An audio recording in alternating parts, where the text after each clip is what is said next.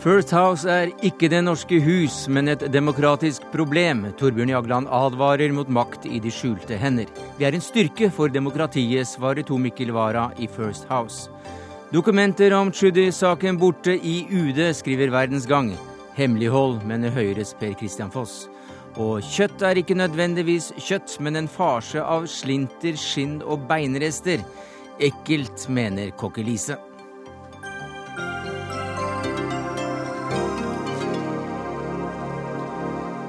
Ja, Det er noen av sakene i Dagsnytt 18 denne fredagen, der vi også får med oss finansministeren om de nye retningslinjene for oljefondet, og vi spør hva afghanske kvinner kan vente seg etter tilbaketrekkingen. Men vi begynner med deg i Strasbourg, Torbjørn Jagland, generalsekretær i Europarådet, tidligere statsminister og utenriksminister i Norge. For du reagerer på at så mange avgåtte toppolitikere nå samler seg i rådgivningsselskapet First House. Hvorfor det? Jo, jeg har ikke noe mot uh, kommunikasjonsbyråer. De gjør ofte en veldig nyttig jobb og hjelper mange aktører i å ta seg fram i et komplisert samfunn og å kommunisere også med samfunnet, som er en uh, veldig viktig funksjon. Men når så mange fra den samme maktgruppe i den nåværende regjering samles på ett sted, og man har tydeligvis til hensikt å samle opp alle dem som forlater regjeringen Erik Solheim var jo den siste som fikk et tilbud da syns jeg det blir noe usunt uh, over det hele. Og jeg mener egentlig at dette uh, bidrar til å svekke det moralske rammeverket for hvordan avgjørelser og fordeling av penger skal gjøres i vårt uh, velferdssamfunn. Og jeg mener også at det svekker rammeverket for den sosiale kapitalismen som vi tross alt har i Norge og det er statens oppgave å uh, sikre at dette rammeverket uh, eksisterer og beskyttes, som jo går ut på at det skal være åpen og fair konkurranse mellom alle aktører. Og det er det fare for at blir, bli brutt ned når noen kan ta snarveier fordi de kan uh, kjøpe tjenester av noen som nettopp har gjort tjenester i det sittende systemet, kjenner folk, eh, og som derfor selvfølgelig kan påvirke eh, i stor grad. Så du kaller det da for et demokratisk problem? Ja, jeg synes at det er en eh, begynnelse på noe som jeg rett og slett ikke liker. Fordi folk skal vite at avgjørelser tas på et åpent, forutsigbart grunnlag, og de skal vite hvem som tar avgjørelsene. Og det skal være et eh, skikkelig eh, rammeverk rundt det hele. Men hvis vi får mange av denne type aktører, så er det fare for at eh, det blir, det, det blir usikkert hvem det i det hele tatt er som tar avgjørelser, på hvilket grunnlag de tas. Partner i rådgivningsselskapet First House, Tor Mikkel Wara, du er tidligere nestleder i Frp, men altså her som en som tjener til livets opphold ved å påføre demokratiet et problem. Overhodet ikke. Først og alt så må jeg si at jeg skjønner godt at det blir spørsmål rundt First House når vi ansetter så mange veldig flinke folk. Men så vil jeg også si, og det er at flere burde gjøre som Bjarne Håkon Hansen. Slutte i politikken og begynne i næringslivet, istedenfor å tilbringe et helt liv bak politikkens murer. Det vi driver med, det er å øke næringslivet og arbeidslivets kunnskap om politikk. Det tror jeg tjener næringslivet, men det tjener også politikken. Det andre vi gjør, det å øke politikernes kunnskap om næringsliv og arbeidsliv. Det kjenner også politikken og næringslivet. Så jeg vil si at det at flere ikke bare er politikere hele livet, men faktisk av og til går ut i næringslivet og arbeidslivet, det er en styrke for ja, demokratiet. Men det er ingen som sier imot. Men det noen sier imot, er at de skal gå inn i First House og, samles der. Nei, men altså, Det at mange går til First House, det er jo ikke et problem for demokratiet. Det er kanskje et problem for våre konkurrenter, men ikke for demokratiet. Jagland? Ja, Nå prøver jo uh, Vara å neddramatisere det hele. Dette er jo ikke snakk om at man uh, skal tvinge folk til å være i politikken hele livet. Men det er jo snakk om hvordan politikere selv definerer det mandatet de hadde når de var politikere, og hva de kan gjøre i etterhånd. Og da tror jeg man bør være varsom. Jeg, som jeg sier, det er ikke noe problem for meg at man uh, går inn i hvilken som helst annen, annen, stilling, men å samle opp så mange mennesker som åpenbart har til hensikt å påvirke det systemet man nettopp kom fra, og som har, inn, uh, altså har rett og slett uh, god kjennskap til, og kjenner de folkene i det samme systemet, da syns jeg det blir et problem. Fordi det, eh, det, er mange andre tusen aktører som ikke har den samme eh, muligheten. Og det svekker da det rammeverket som vi har for forholdet mellom stat og særlig næringsliv. Det er jo stort sett næringsliv jeg regner med kan kjøpe seg tjenester her. Staten også, både stat og arbeidsliv og næringsliv. Alle som trenger å forstå politikk. Og det kan virkelig ikke være sånn at det blir dårligere politiske beslutninger av at dem dette angår, er gode til å kommunisere dette til politikerne. Tvert imot, det må bli bedre politiske beslutninger av det. Vi har over 150 kunder som vi bistår så godt vi kan.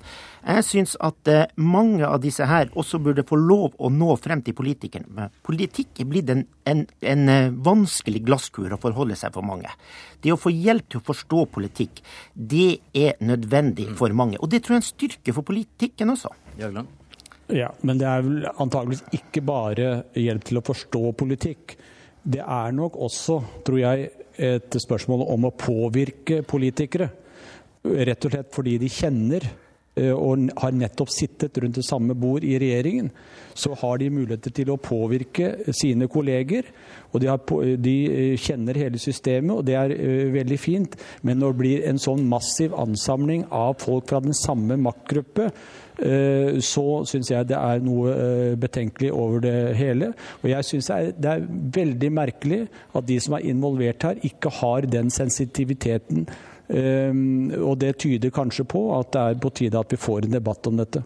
Altså, Jeg får debatt om det, jeg skjønner interessen og nysgjerrigheten, men jeg mener det blir helt, helt feil å fremstille det som om det å ha hjelp til å fremlegge politiske saker på en god måte gjør at de politiske beslutningene blir dårligere.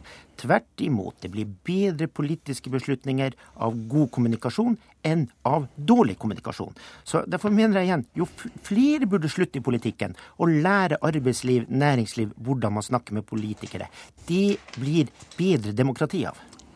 Du mener egentlig at avgjørelsen burde i det helt og holdent legges over til eh, First House? Selvfølgelig ikke. Jeg mener at avgjørelsen skal tas av politikere. Men det som er vel så stort problem, det er politikere som begynner i ung alder med politikk. Sånn som jeg gjorde, og som du gjorde. Men som blir der hele livet og aldri får kommunisert men, men det, er, det er ikke det poenget vi skal ta i dag, og det, og det vet du godt. Men du snakker jo hele tiden da om de interessene som faktisk kan betale dere. Ja, selvfølgelig. Ja. Det, det, er faktisk sånn at vi, i likhet med advokater og sykepleiere og lærere, tar betalt. Mm. Det er riktig, det.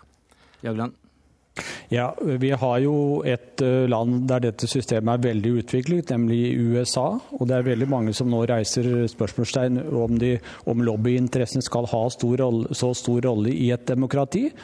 Eh, og jeg ønsker å ha en debatt om vi skal gå i den retningen her i, i Norge. fordi det bør være de valgte organene som tar avgjørelser, og i den grad de påvirkes, så bør vi kjenne til hvem som påvirker, hvor mye de betaler, og hvilke saker som det påvirkes eh, i.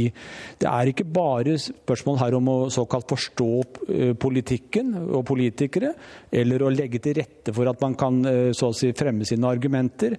Jeg nekter å tro at det er så enkelt. Jeg tror også det handler om direkte påvirkning som eh, i mange tilfeller kan være usunt. Vi driver en rådgivningsbedrift. Og det er sånn, og det må jeg, må jeg, virkelig mene, at politiske beslutninger har vært utsatt for påvirkning i alle tider. Under Absolutt. ulike navn, om de kaller seg NHO, LO eller Bondelaget eller bedrifter. Det som du nå ser, det er altså spesialiserte firmaer som rekrutterer veldig mange ekstremt dyktige folk til dette og som deler den kunnskapen med i vårt tilfelle over 150 bedrifter og organisasjoner i, i Norge. Det betyr at flere får tilgang med politikk enn før vi lagde First House. Men uh, Vara, uh, nå vi nesten runde her, men hva, hvem blir neste dere kjøper? Altså Solheim sa jo da nei, men Roger Sandum fra SV har nå gått ut som, uh, som statssekretær. Er han interessant?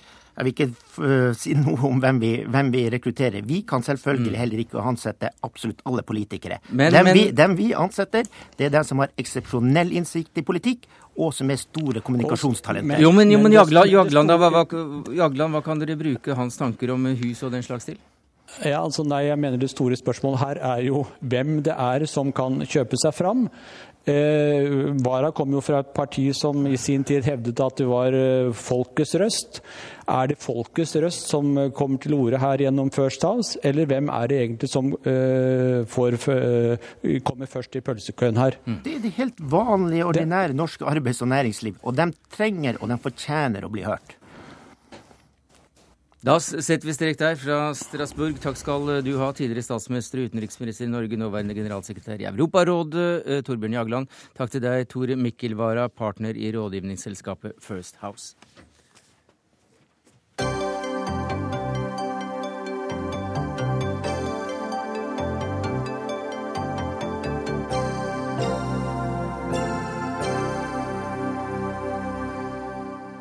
Oljefondet vil altså redusere investeringene i Europa til fordel for investeringer i andre deler av verden. Det ble gjort klart i dag da regjeringen la fram stortingsmeldingen om fondets forvaltning.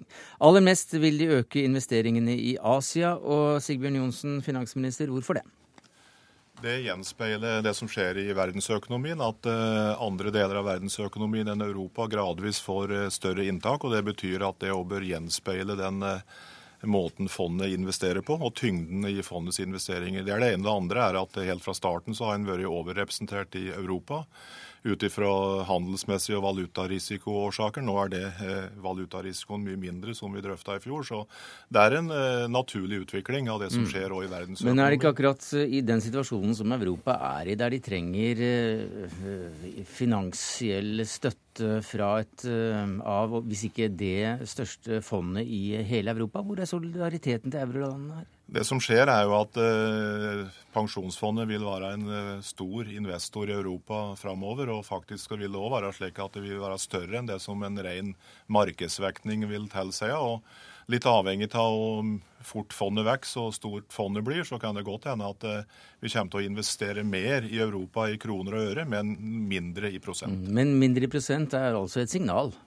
Ja, Det er et signal om at uh, verdensøkonomien endrer seg, at det økonomiske tyngdepunktet i verden flytter seg. Samtidig som det er viktig å investere i framvoksende økonomier, land som uh, har kommet opp de siste 10-20 åra, og, og, som stadig får en større betydning i verdensøkonomien. Så Som en global investor så tror jeg det er viktig at vi òg ser på åssen uh, på å si det økonomiske verdenskartet ser ut. Hva tenker du om det, Ola Skien, du er fondsforvalter i Storebrand kapitalforvaltning? Nei, Jeg er helt enig med Sigbjørn. Ja. Vi ser også i Storbrann kapitalforvaltning at i mine fond at vi vrir investeringene mot fremvoksende økonomier. Fra å nesten ikke ha noe investering der, så har vi økt andelen eh, også betydelig de siste årene. Og det er jo fordi det økonomiske tyngdepunktet skifter, slik at når veksten i verden først og fremst kommer i Asia, og veksten i Europa og USA er veldig lav, så er nok det riktig å skifte investeringene dit, eh, og kapitalen dit eh, også. Så jeg er helt enig med endringene der. Trine Skei Grande, du er leder i Venstre, og som sådan så har du etterlyst Afrika. Ja, vi har etterlyst Afrika som en del av dette òg, for det er òg veldig voksne økonomier. Altså Pensjonsfondet vårt er ikke noe som vi skal teste ut alt mulig rart på. Det, vi skal være ordentlige og skikkelige når vi, når vi skal ta vare på det. Men, men, vi ser jo at mange av de asiatiske økonomiene jo investerer veldig i Afrika og at det er veldig voksne økonomier. Så det både kan være økonomisk lurt, pluss at det hadde hengt sammen med de andre satsingene Norge har som en svær bistandsnasjon. At det er kanskje vel så effektivt å bidra til at disse økonomiene vokser fram, eh, som mange av de andre tingene vi gjør. Det er to ting jeg vil si. For det første så forankrer vi det, det vi kaller investeringsstrategien i Stortinget. Eh, dette drøfta vi i fjor, og vi, drøfta òg i den sammenheng om vi skulle gå f.eks. inn i eh, det vi kaller mindre utviklede markeder. Og det er klart at vi kommer dit på et tidspunkt, men eh, en, beslutta, og vi fikk oppslutning om det i Stortinget, at nå konsentrerer vi oss om å få eh, god, eh, god orden på eiendomsinvesteringene våre. Og så er jeg helt sikker på at eh, Afrika er et av de land, eller kontinenter rettere sagt, som, som vil komme. Men en har besluttet å gå litt forsiktig fram der akkurat nå. Ja, Vi har jo foreslått dette flere år, at man bør se på disse markedene for både av økonomiske grunner, men også av andre grunner. Og Vi ser jo at mange av de asiatiske økonomiene går så aktivt inn i disse områdene. At, det er dumt hvis vi skal nå bare rute pengene via Asia til, til disse områdene. Mm. At vi òg kan være med på den oppturen. Men det er en annen betenkelighet som noen trekker fram når det gjelder økt satsing på Asia, nemlig det at asiatiske selskaper skal være dårligst i klassen til å rapportere om forhold knyttet til menneskerettigheter og klima. Det, vi legger stor vekt på det vi kaller ansvarlige investeringer. Vi legger stor vekt på etikk. Eh, og det er mange, mange hentak som vi kan dra i den sammenhengen. Altså Det er eierskapsutøvelsen. Mm. Eh, det er samarbeid med andre fond og andre eh, investorer for å få større åpenhet. Og generelt sett så er det jo slik at Pensjonsfondet er eh, kåret til verdens mest åpne fond. Jo, men eh, Asia, I, i, i, tillegg, tillegg, så jobb, I tillegg så jobber vi med skatteavtaler. Vi jobber med andre internasjonale grep som gjør at en skal få større oversikt over det. Et, eh, et annet eksempel som eh, jeg har hatt gleden av å, å, å si bli utsatt for den siste tida, nemlig eh, et ungt engasjement for det vi kaller land-til-land-rapportering, som vi nå jobber med. og det, Slike ting er viktig for å få større gjennomsiktighet i internasjonale mm. investeringer. Så det at asiatiske selskaper er dårligst i klassen til å rapportere om forhold knyttet til menneskerettigheter, det bekymrer deg ikke?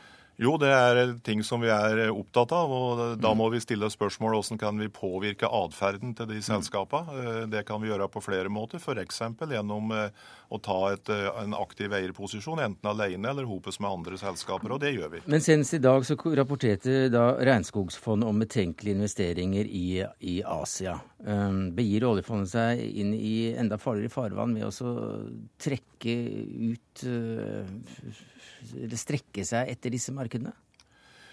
Det er, det er selvsagt uh, ulike former for risiko når du investerer, både økonomisk og på andre måter. Det er derfor vi skal ha en veldig god årvåkenhet på etikk og ansvarlige investeringer. Det er derfor vi må bygge opp Eh, bygge opp under den jobben som eh, Etikkrådet gjør. Det er derfor vi må jobbe hopes med andre investorer for å påvirke selskaper. Ja, for Skei Grande, du har vært inne på dette at, eh, at oljefondet investerer i virksomhet som altså jobber mot planter og liv på, på, jorda, samtidig som vi putter en god del fra den norske staten inn i regnskogen. Ja, vi må ha en regjering som klarer å se hva den ene hånda gjør, som vi bruker å si, og den andre hånda holder på med. Og Problemet her er at vi bruker masse milliarder på regnskog regnskogsatsing.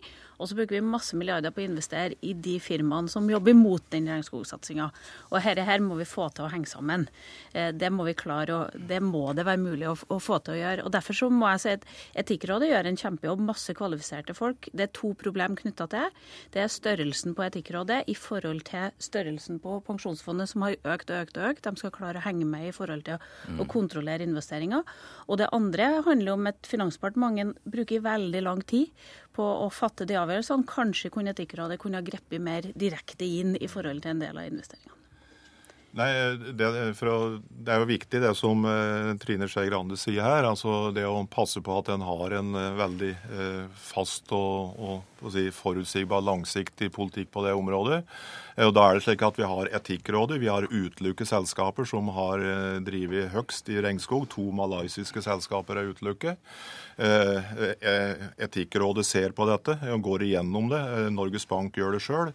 Eh, slik at vi hele tida skal ligge i, i, fremste rekke når det gjelder å ha ansvarlige investeringer. Så er jeg enig i at eh, det er viktig å sørge for at Etikkrådet er godt oppsatt, eh, både personellmessig og ressursmessig. Ja, Vil dere styrke det? Ja, Vi har økt ressurser til Etikkfondet, og det er jeg innstilt på å foreslå i framtida. For det er viktig at disse ulike deler som har ansvar, Finansdepartementet, Norges Bank og Etikkrådet, gjør en god jobb. Men du, Statssekretæren din sa tidligere i dag at det er uaktuelt å la dette Etikkrådet vurdere investeringer før de blir gjort, ikke som nå etter. Det er vanskelig, og det er en ganske, ganske eh, omfattende oppgaver å gå gjennom i detalj et selskap og på en måte gi det en slags forhåndsgodkjenning. Derfor er det lettere å gi det ettergodkjenning? For da kan, du, da, da kan, du, bygge på eh, en, en, eh, oppførsel som dette selskapet har hatt, og så må du se framover altså i forhold til hvordan du skal prøve å påvirke selskapet. Det kan jo f.eks. tenkes at du har stemplet et selskap for godkjent, og så Eh, stutt tid etter det så kjøper du opp et selskap som driver en virksomhet som vi helst burde ta tak i på en annen måte. Så det er en ganske uoverkommelig oppgave, men eh, det er viktig da at Etikkrådet har ressurser, så denne her jobben som skal gjøres i etterkant, blir god. Hvor mange, hvor mange er det som sitter i Etikkrådet ditt i dag? Ja, Nå har jeg ikke nøyaktig antall i hodet, men, eh, men, det er viktig at de skal ha gode ressurser, og det skal jeg sørge for i framtida. Betyr at vi kanskje kan få støtte fra noe av det forslaget som vi har lagt fram. Men det som, det som jeg er mest bekymra over, er at det tar lang tid fra Etikkrådet kommer med en tilråding, til Finansdepartementet kommer fram med en konklusjon. Og av og til har vi sett eh, sett eh, signaler om at man tar storpolitikken rundt det. For jeg nevner et kort eksempel. Vi gikk ut av Walmart pga. at fagforeningene protesterte, samtidig som vi gikk inn i Petro-Kina som er mm. liksom kjent for menneskerettighetsbrudd. Og da får du en følelse av at det er en annen politiske prioriteringer enn nødvendigvis akkurat menneskerettigheter. Atle Midthun, du er professor ved Institutt for innovasjon i BU og BI, på BI, og du etterlyser nytenkning når det gjelder investeringer i oljefondet. Hva slags nytenkning er det du ser for deg? Nei, altså, Jeg konstaterer at vi igjen står igjen står i en situasjon som jeg kaller det klassiske norske dilemma mellom høye idealer og litt vanskelige realiteter. Det viser jo også denne samtalen. Det viser denne samtalen. Så vi har hatt det i utviklingshjelp, utenrikspolitikken, og vi har det i investeringspolitikken. Eh, vi har et pensjonsfond som eh, på en måte skal ha æren for å ha holdt flagget høyt når det gjelder eh, etikk, men de går inn i den minst krevende eh, etiske etiske investeringsstrategien. Altså Hvis du ser på det som er vanlig i eh, samfunnsansvarlige investeringer, så kan du enten ha såkalt negativ screening, altså du tar ut de verstingene eh, etterpå. Eller du kan ha positive screening. Altså du kan begynne å lete etter de beste, som både er best på finans, best på miljø og best på sosiale forhold. Og det er mulig å gå dit. Jeg sier ikke at, at Petroleumsfondet kan gå dit med en gang, men jeg etterlyser at man satser mer på å utvikle en proaktiv strategi, hvor man velger de som er best på alle tre kriterier, og prøver seg ut. Og det er faktisk slik at eh, investeringsstrategier av den typen har klart mm. å gjøre det like bra som, som ellers. I det mandatet som Finansdepartementet har gitt eh, Norges Bank og Pensjonsfondet, så er det veldig tydelig at de skal ha eh, eh miljø, samfunnsmessige forhold, menneskerettsforhold som en del, integrert del av eh, investeringsstrategien. Og I tillegg til det så har Norges Bank sjøl utfylt det ved å gi interne retningslinjer som ivaretar mange av de hensynene som, som du nevner. Eh, med andre ord å få til det du kaller best praksis. Eh, slik at eh, det er en, en, del av den jobben som Norges Bank skal gjøre. Og så er det klart at Vi kan utvikle oss på det området, men eh, dette er veldig tydelig gitt i det mandatet som mm. Finansdepartementet har gitt Norges Bank. Det er riktig det at det er tydelig i mandatet, og dere, dere, sier klart ifra at dere ønsker selskaper av den og den typen. Men når det kommer til kjernen, så går dere etter penger først. Og så hvis det skjer noe gærent, så luker dere ut. Det jeg sier er at det går an å gå lenger og si at vi går etter både penger, miljø og sosiale forhold allerede i forkant. Vi leter i hver bransje etter de beste selskapene på alle tre kriteriene, og så går vi bare inn der. Det hadde jo vært flott. Det hadde vært en Ole Brumm i dette systemet? Ja, altså, det er faktisk slik at, at Pensjonsfondet har et, et miljøinvesteringsprogram på, på, 30 milliarder kroner. Det har ikke gitt noe spesielt god avkastning så langt. Mm -hmm. Eh, men vi ønsker å drive på med det, for det er viktig mm. i forhold til det som, eh, som du tar opp. Hva tenker du som, eh, som økonom om det, Chen? Nei, bare for å nevne det, så har jo Storbrann drevet med eh, samfunnsansvarlig mm. investering ganske lenge. Han som leder Etikkrådet kommer faktisk fra Storbrann og bærekraftige investeringer der. Og Hvordan har det gått? Det har gått bra. Eh, vi har jobbet som eh, pioner i denne bransjen her. Og eh, våre erfaringer er jo at når man inkluderer fremvokstøkonomier, så er det nok større sannsynlighet om man støter opp på eh, etiske dilemmaer. Eh, men vi mener jo at det er håndterbart, sånn som Johnsen her påpeker. At man bare man øker ressursene rundt det, så kan man fortsatt drive og skrine de selskapene som kommer negativt ut, men at ikke man utelukker helt og tenker kun på det, men at man utvider universet og vrir på en måte investeringen til fremvokste økonomier. Sigbjørn Johnsen, du, du, sier i dag at du har vært med som finansminister da, da oljekursen var på var det 15 dollar, og, dollar. og opp til 150, eller, eller hva det var. Ja, ja. Og, og, dette oljefondet har jo vokst seg slik at det at du har penger på bok, det er jo en floskel å, å regne, akkurat nå som tusenvis av milliarder av kroner står der. Uh, Ser du på Sover du godt om natta når det gjelder å være den første politikeren i rekken av å kunne ha hands on denne store pengemengden? Jeg gjør egentlig det, men det er klart det er et stort ansvar som vi har i fellesskap. Både finansministeren, Stortinget og alle andre. For vi forvalter jo en formue på vegne av neste generasjon. Og det har jo ligget i korta helt siden en skrev den første stortingsmeldinga i 1974, en melding på 25 sider, stortingsmelding 25, som drog opp med som hovedretningslinje, hvor hun sa veldig tydelig at det skal investeres for framtida. Det skal investeres for å skape et samfunn av bedre kvalitet og forvaltes i et generasjonsperspektiv. Så, og akkurat nå så taper vi milliarder av kroner hver eneste jo, dag. Men, jo, men poenget er at uh, vi investerer nærmest med evigheten som uh, utgangspunkt. og Det betyr at vi òg kan tåle uh, altså dårlige år på samme måte som vi har gode år. Vi har dessverre ikke evighet evighetene å ta av akkurat her, men takk skal du ha, Sigbjørn Johnsen. Finansminister Trine Skei Grande, leder i Venstre, Atle Midtun, professor ved Institutt for innovasjon ved BI, og til deg, Olav Skien, fondsforvalter i Storebrand kapitalforvaltning.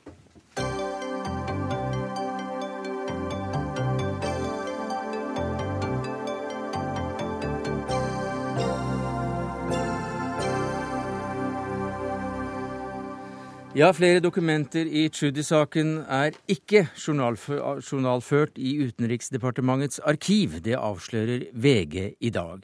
Og med stadig nye detaljer i saken krever opposisjonen nå at Støre legger alle kortene på bordet fortest mulig. Marianne Johannessen, du er fungerende nyhetsleder i Verdens Gang.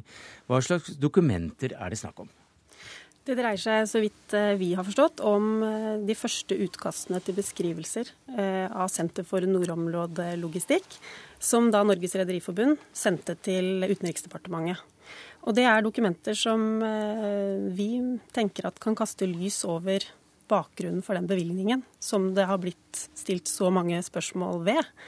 For dette er jo en bevilgning som, som gikk da fra mellom da utenriksministeren til da en stiftelse hvor eh, Felix Tschudi, som, da, som utenriksministeren har et nært forhold til, eh, er helt sentral. Men Hvorfor er akkurat disse dokumentene så viktige å få innsyn i? Det er Altså, det, vi vet jo at det er et nært forhold mellom Jonas Gahr Støre og Felix Tschudi. Mm. Og vi vet også at det gikk fire dager, vel, fra den formelle søknaden ble sendt fra eh, Norges Rederiforbund til Utenriksdepartementet, og til Jonas Gahr Støre lovte eh, millionbevilgning til senteret. Så det var en uhyre rask saksbehandling. Og det gjør jo at vi lurer på hva har skjedd forut for dette. Hva har vært dialogen? Hvem har snakket sammen? Hvem har eh, hatt møter? Hva har vært eh, For det må ha skjedd noe forut her. Og det vet vi nå at det har det, det, har det skjedd. Det har til og med vært eh, sendt utkast til beskrivelser til Utenriksdepartementet. Som da er veldig interessante for mm. oss, da. Per Kristian Foss i Stortingets kontroll- og konstitusjonskomité for Høyre. Hva sier du til, til, til dagens utgave av Støre-saken? Det skjerper jo mistanken om at noe skjules når man ikke journalfører dokumenter som helt åpenbart eh, ligger innunder loven for journalføring. Og det at ikke alle kort legges på bordet, har begynt å bli en, et mønster i denne saken. Eh, stadig kommer det nye ting frem. Det går fra å være bekjent, denne Felix Tschudi, til å være en, en, en nær venn. Og det tyder nå på at det har vært en nærmere kontakt mellom UD og eh, denne stiftelsen, eller eh, representert ved Rederiforbundet, enn det som tidligere har vært kjent. Men det, det verste i denne saken er at man, at man overtrer loven om journalføring eh, og skjuler dokumenter som skjerper mistanken. Ja, hvor alvorlig er det, Erik Bo, du er professor i forvaltningsrett ved Universitetet i Oslo? Isolert sett så er det jo ikke så veldig alvorlig at et dokument ikke blir journalført.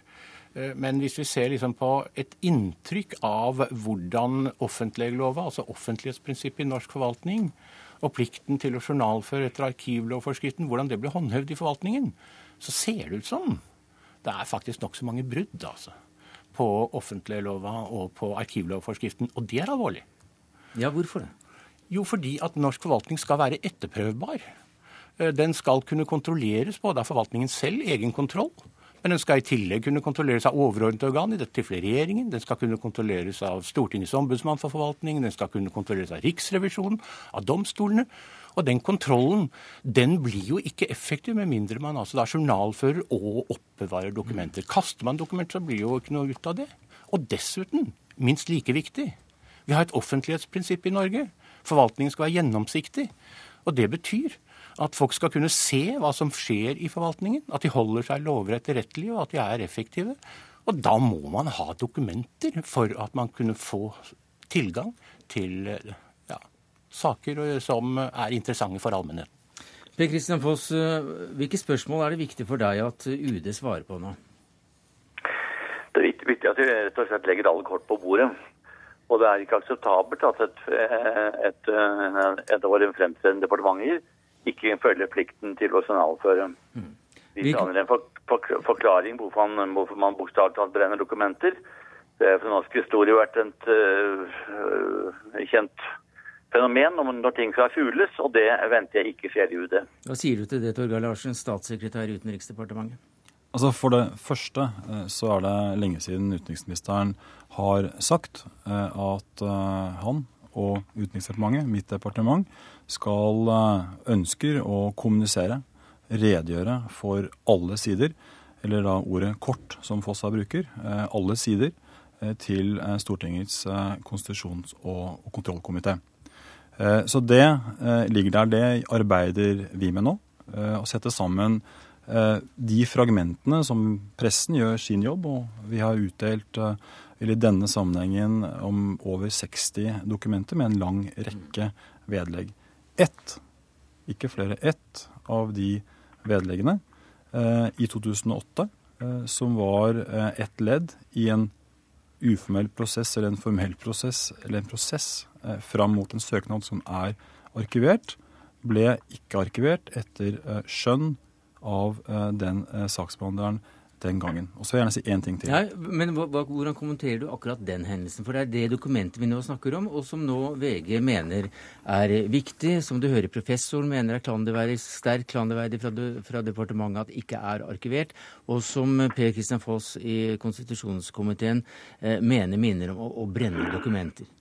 For det første, det er ikke noe dokument som er skjult. Det er ikke noe dokument som er borte. Hver eneste dag, så, så i, hver eneste dag i statsforvaltningen så foretas det skjønn av dyktige saksbehandlere, eh, dyktige statstjenestemenn, embetskvinner eh, og menn, på basis av det lovverket som eh, vi skal forholde oss til. Og Det er foretatt et skjønn her. Eh, så kan vi diskutere et skjønn i ettertid. Men forholdet er at dette vedlegget, hva det nå var, ikke er uh, arkivert. Det finnes ikke. Men da er, det, da er du usann, som du sier. Da finnes ikke alle dokumenter. Dette dokumentet var avgjørende for å se på hvilken uformell kontakt, såkalt saksbehandling, det har vært mellom UD og Felix Tschudi på forhånd.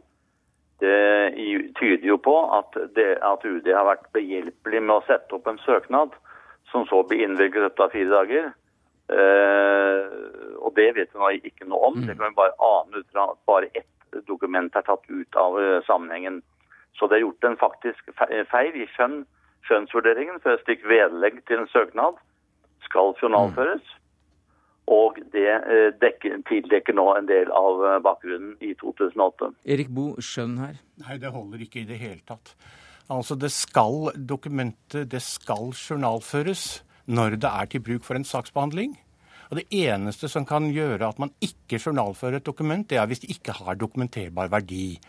Og dokumenterbar verdi må UD ha misforstått når de ikke har journalført det. For dokumenterbar verdi det betyr jo at hvis vi har dokumentert det på annet vis, hvis vi vet hva dokumentet inneholder, en kopi eller et eller annet sånt noe, ja da behøver man ikke å uh, ta og journalføre det. Men det er klart at det er ikke noe skjønn her. Det Prinsippet er klart, det. Eh, det foretas skjønn hver eneste dag i forhold til eh, ting man eh, mottar. Og så er det da et grunnleggende prinsipp er at noe er å vurderes etter skjønn som arkivverdig, og noe vurderes etter skjønn som ikke er arkivverdig. Ja, Slik må det denne... være. Hvis ikke så vil det jo hope seg opp en helt uholdbar mengde med dokumenter. Ja, det er helt riktig. Men altså, det er en klar regel i arkivlovforskriften. Det er altså da slik at man skal journalføre dokumenter, med mindre de altså er uten dokumenterbar verdi. Og dette dokumentet her, som er et utkast til en søknad, har selvfølgelig dokumenterbar verdi. Mm. Eh, slik at det er feil, det der. Altså vi, vi forholder oss uh, til det som da er foretatt av en saksbehandler i Utenriksdepartementet i 2008, så kan man ha en diskusjon om det. Mm. Og det, det, må vi forholde oss til. Det er den vi har, da, selvfølgelig. Ja. Så, har vi, så, har vi det, så har vi det forhold at det, det som da er der, mm. ikke er arkivert. Det er realiteten. Så vet vi at 60 dokumenter med vedlegg er eh, arkivert, er utlevert til pressen. Eh, vi vet også mm. at eh, vi har varslet, og vi arbeider med, å framlegge en helhet, mm. alle kort, som vi sitter på, mm. til Stortingets kontroll- og konstitusjonskomité. Det er altså da ett dokument som eventuelt ikke er arkivert, Bo her. Og er det da nok til å sende en, et helt departement i fengsel for livstid. Man kommer aldri i fengsel ved å bryte offentliglova eller arkivlova. Eh, det er straffeloven, det i så fall. Så, så alvorlig er det slett ikke. Mm. Men det har jo noe med at man skal holde seg lovende etterrettelig. Og vi mm. venter jo det av et departement som UD, at de gjør det. Det eh, venter, forventer i hvert fall eh, Erik Boe, professor i forvaltningsrett ved Universitetet i Oslo, og Per Kristian Foss, medlem av kontroll- og konstitusjonskomiteen for Høyre, og Marianne Johnsen, fungerende nyhetsleder i Verdensgang. Vi skal eh, videre i denne saken, fordi eh, i går så inviterte leserne, eh, VG leserne til dugnad. Hjelp oss å granske statsrådenes pengebruk, står det på nettsiden. Bakgrunnen for prosjektet er mistanke om rot i departementets nesten 10 000 tildelinger av rundt 500 milliarder kroner de siste årene. Og Espen Egil Hansen, du er digital redaktør i VG Nett. Var det eh, gårsdagens invitasjon som førte til dagens avsløring?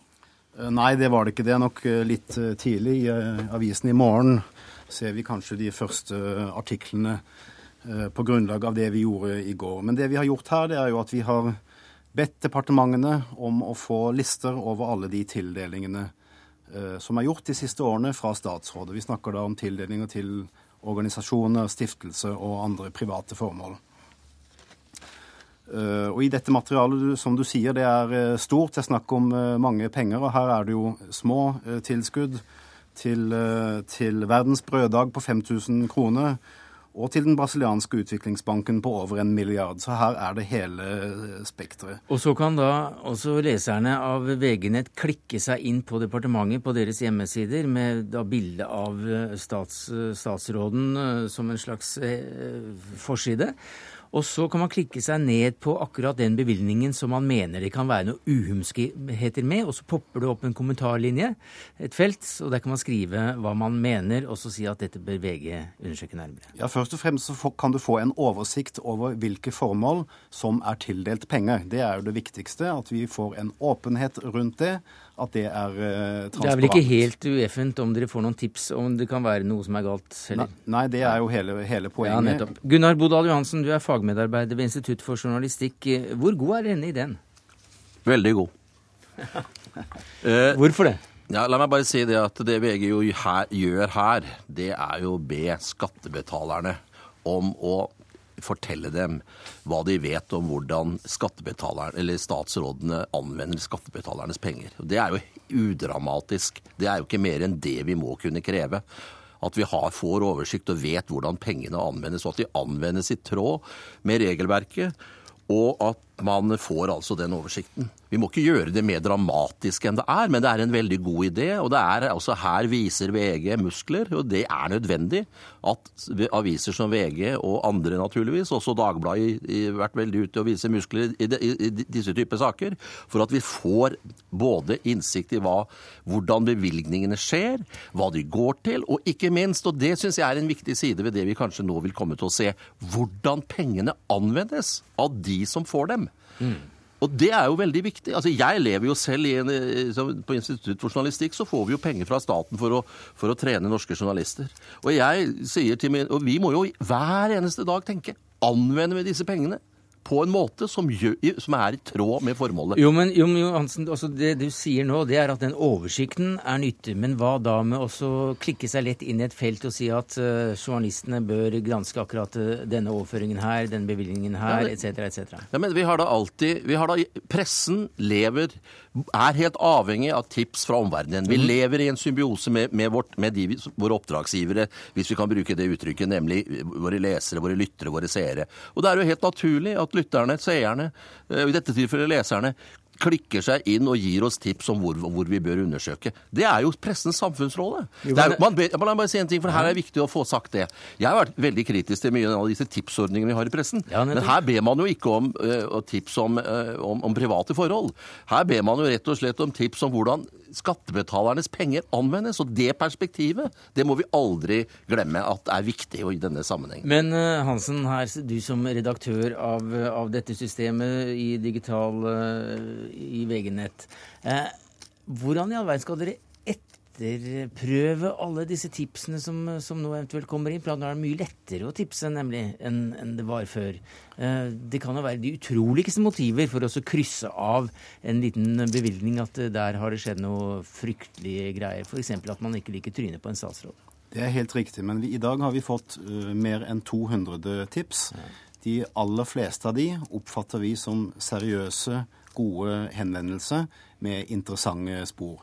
Ikke store skandaler alle, men det er interessante ting som vi da kan bruke uh, vår journalistiske kompetanse på og gå inn i. Og Så får vi se om det blir grunnlag for journalistikk. Dette har også holdt på i ett døgn. Uh, er det noen tips som allerede nå dere har fått litt hakeslepp over? Nei, det vet jeg ikke, men, men du får lese avisen i morgen, så, så, så, er vi i gang. Jeg tror vi skal regne med at dette tar litt tid. Poenget er jo at før så var vi prisgitt kunnskapen til hver enkelt eh, journalist. I dag så kan vi nyttegjøre, eh, nyttiggjøre oss kunnskap til mange flere lesere som sitter lokalt, som har kunnskaper, og som kan se det i sammenheng med de, eh, den informasjonen vi legger ut, og gi oss helt konkrete tips. Takk, takk skal du ha, Espen Egil Hansen, digitalredaktør i Verdens Gang, og til deg, Gunnar Bodal Johansen, fagmedarbeider ved Institutt for journalistikk.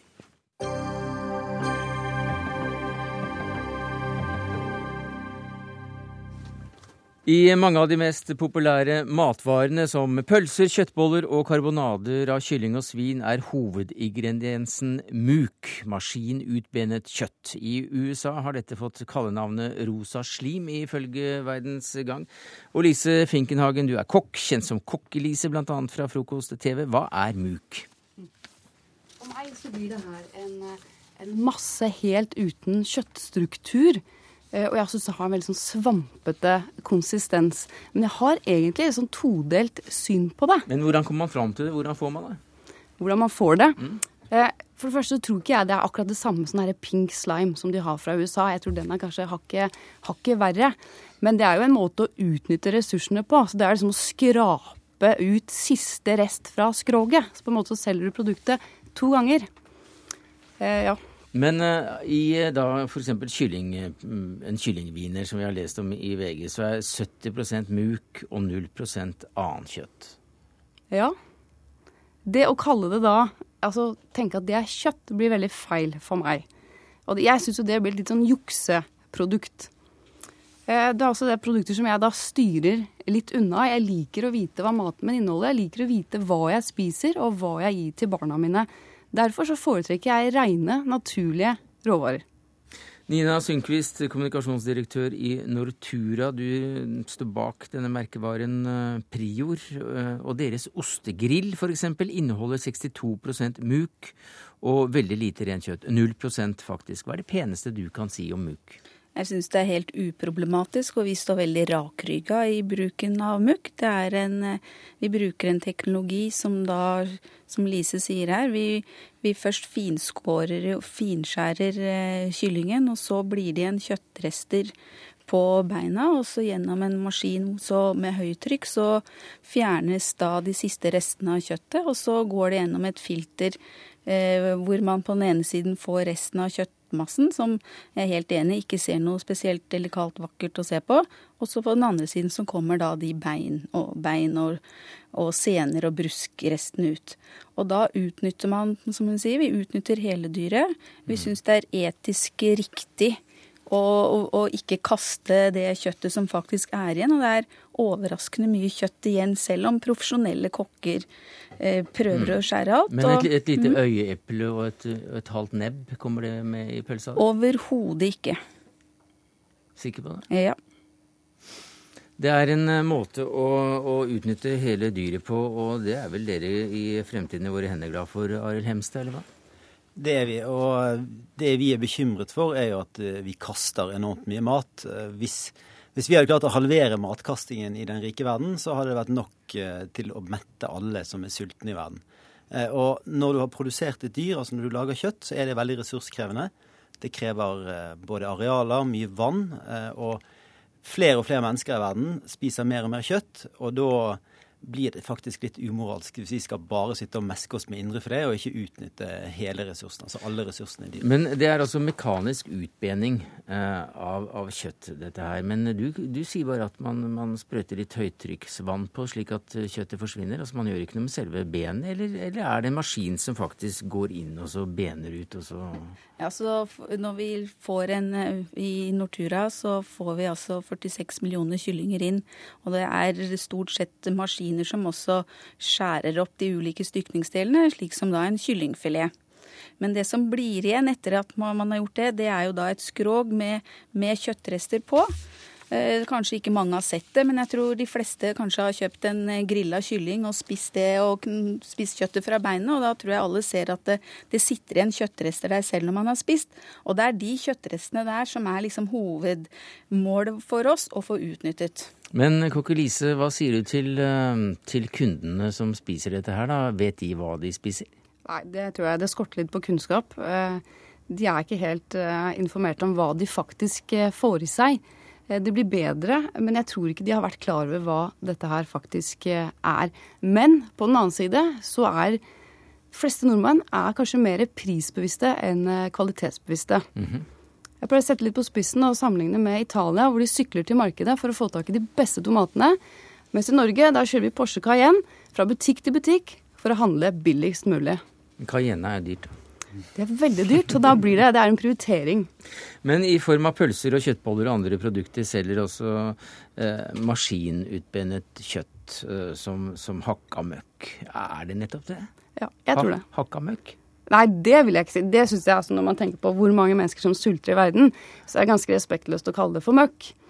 Men eh, at det handler om pris, det tror jeg. Fra begge sider. Men hva da med informasjonsplikten deres til å forklare utenpå pakkene med, med disse pølsene, som også inneholder null eh, prosent rent kjøtt? Og i Prior-produktene så deklarerer, deklarerer, vi helt i henhold til de myndighetsreglene som er. Som det, så der står det MUK? Så der står det MUK, og det er ikke lov å kalle rent kjøtt. Så, så, derfor så vil man egentlig kunne finne produkter hvor det står null rent kjøtt. Så vil jeg også si da, I Nortura så har vi 1200 varenummer, og av de så er det 21 hvor, eh, hvor det er mukk som er brukt, og det er da utelukkende på kyllingprodukter. Og det er farseprodukter som er blitt varmebehandlet.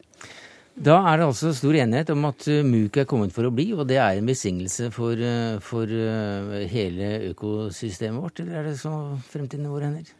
Ja, altså det, det, som kan være bekymringsfullt, er hvis det blir sånn forbrukerhysteri, at dette er noe vi må få ut av butikkene og sånn. Det er vi litt redde for. For det, på matområdet så er det riktig som eh, Kokkelise sier. Det er kanskje litt mangel på kunnskap. Folk er ute etter det billigste. Og så lar man seg rive med i litt sånne nye forbrukertrender. Sånn, eh, jeg er helt enig. altså Mykk det er et, et, godt produkt som vi absolutt bør utnytte. Og vi har nok av annen type mat som dessverre havner i søppelbøtta. Takk skal du ha, Arild Hemstad, leder i Framtiden i våre hender. Lise Finkenhagen, TV-kokken Kokke Lise. Og til deg, Nina Sundquist, som kommunikasjonsdirektør i Nortura.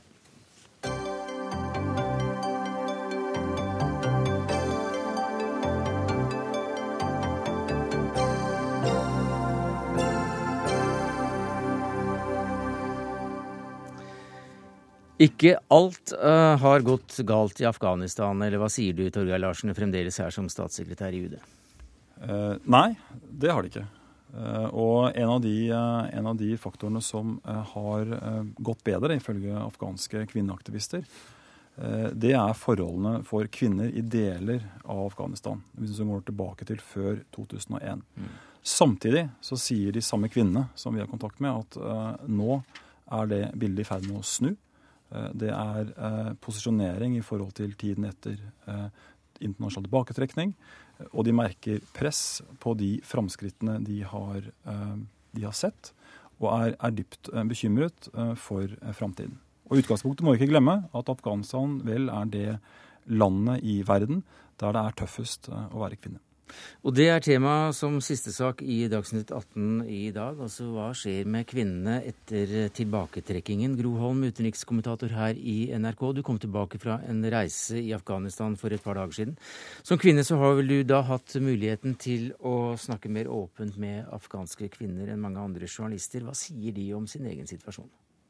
Det kommer litt an på hvor de står. Eh, kvinner som lever i de mest urolige områdene, er, sier at sikkerheten er mye, mer, eh, mye viktigere for dem enn burkaspørsmål eller om menn deres har flere koner. At fred er det viktigste. Eh, er du i Kabul og snakker med mer utdannede kvinner, så er selvfølgelig manglende friheten det aller viktigste. Og en del har jo da hørt om dette, denne beslutningen fra det såkalte Ulema-rådet, et råd av de øverste religiøse lederne, som også Karzai stilte seg bak, som sier at kvinner er sekundære, menn er det primære. Kvinner kan ikke reise uten sine mannlige slektninger hvis de skal ut på tur, i hvert fall ikke over 68 km.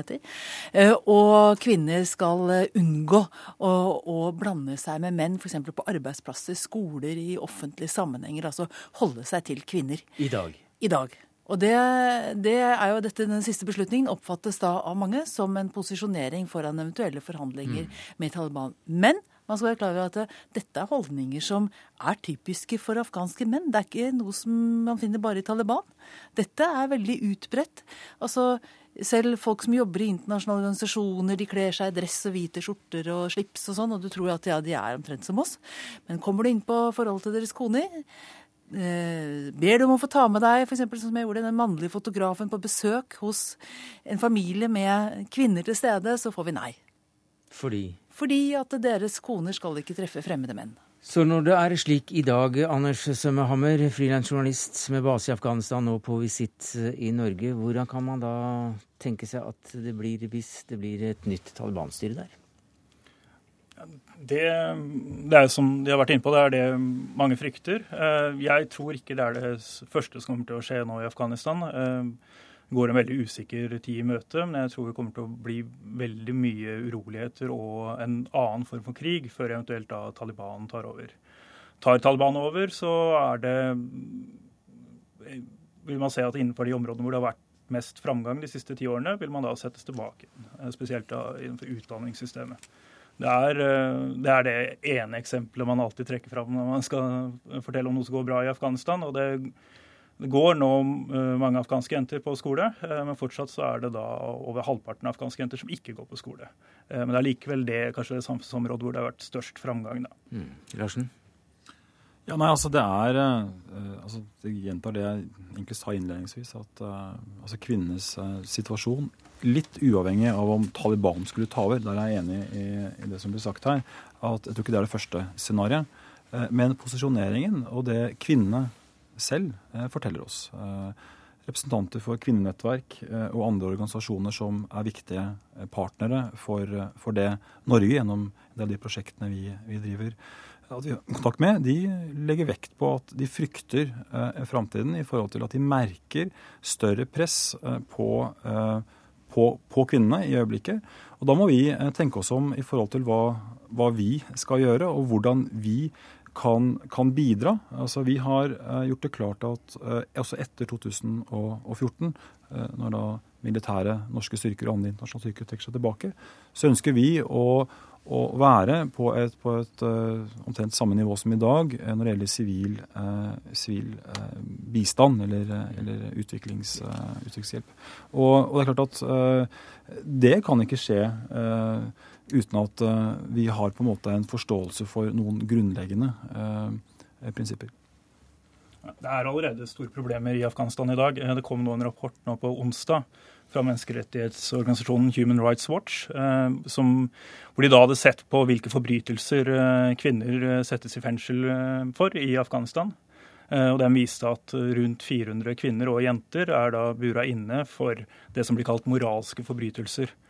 Det her har ikke noe med Taliban å gjøre, det har noe med hvordan afghanske rettssystemet fungerer allerede i dag. Men da er det altså kvinner som har rømt fra overgrep eller blitt voldtatt, som settes i fengsel for det, fordi det er slik dommerne i Afghanistan tolker, eh, tolker loven.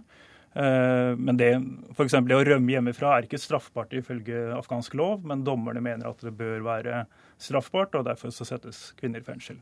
Så at vi har allerede et regime som ikke ligger så langt unna altså skremmebildet som alltid er Taliban. Mm. Det er ekstremt undertrykkende det regimet som også er i dag.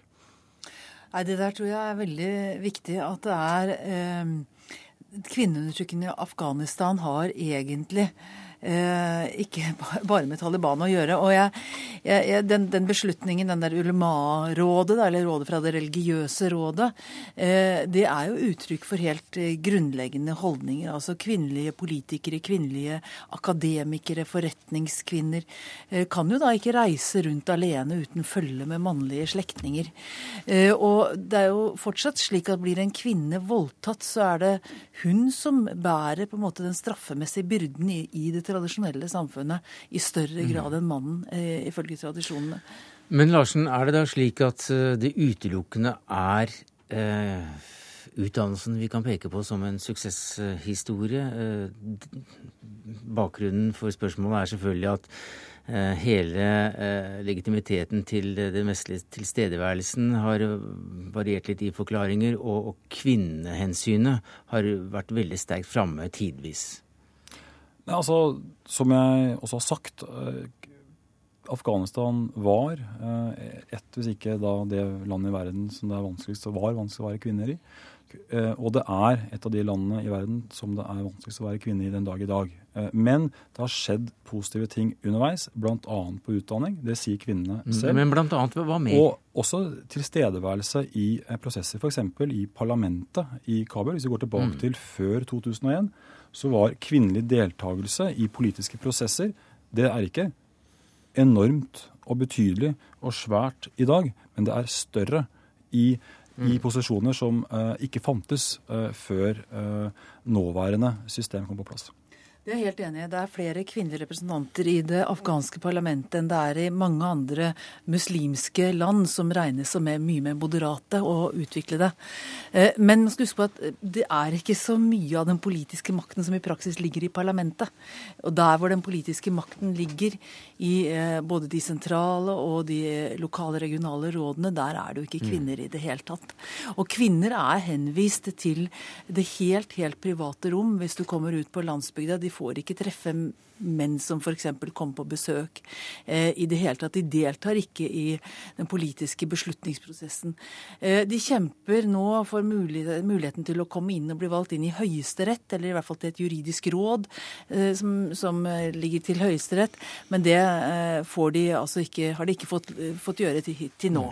Så det er veldig mange kamper de de er i gang med, og på mange ulike nivåer, og det er få seire.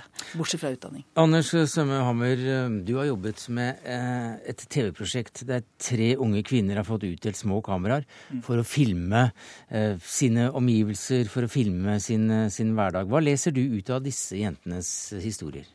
Dette er tre jenter som bor i Kabul, mm. som er del av det urbane miljøet som Gro Holm har Eh, beskrevet her tidligere. Eh, og de har, de har et eh, lever på en måte som er underkommunisert. Altså de, livet på landsbygda og livet i byen er veldig forskjellig i Afghanistan. Man har en I byene så har jenter mye større frihet enn det man har på landsbygda. De, her, Jentene de jobber da for uh, likestilling. De hadde da i fjor uh, historiens første demonstrasjon mot gatetrakassering i Afghanistan, og prøver da å jobbe mm. politisk, sånn som politiske organisasjoner gjør i Norge. Så for dem så vil det muligens bety en forandring, når eh, man trekker seg ut? Ja, og det er veldig vanskelig å si hvilken forandring som da vil komme. Takk skal du ha, Anders Sømmehammer, frilansjournalist med base i Afghanistan, Gro Holm, utenrikskommentator i NRK, og Torgeir Larsen, statssekretær i Utenriksdepartementet. Det var det vi rakk i Dagsnytt 18 denne fredagen, takket være ansvarlig for det hele, Karoline Rugeldal. Det tekniske ansvaret hadde Finn. Jeg heter Sverre Tom Brader.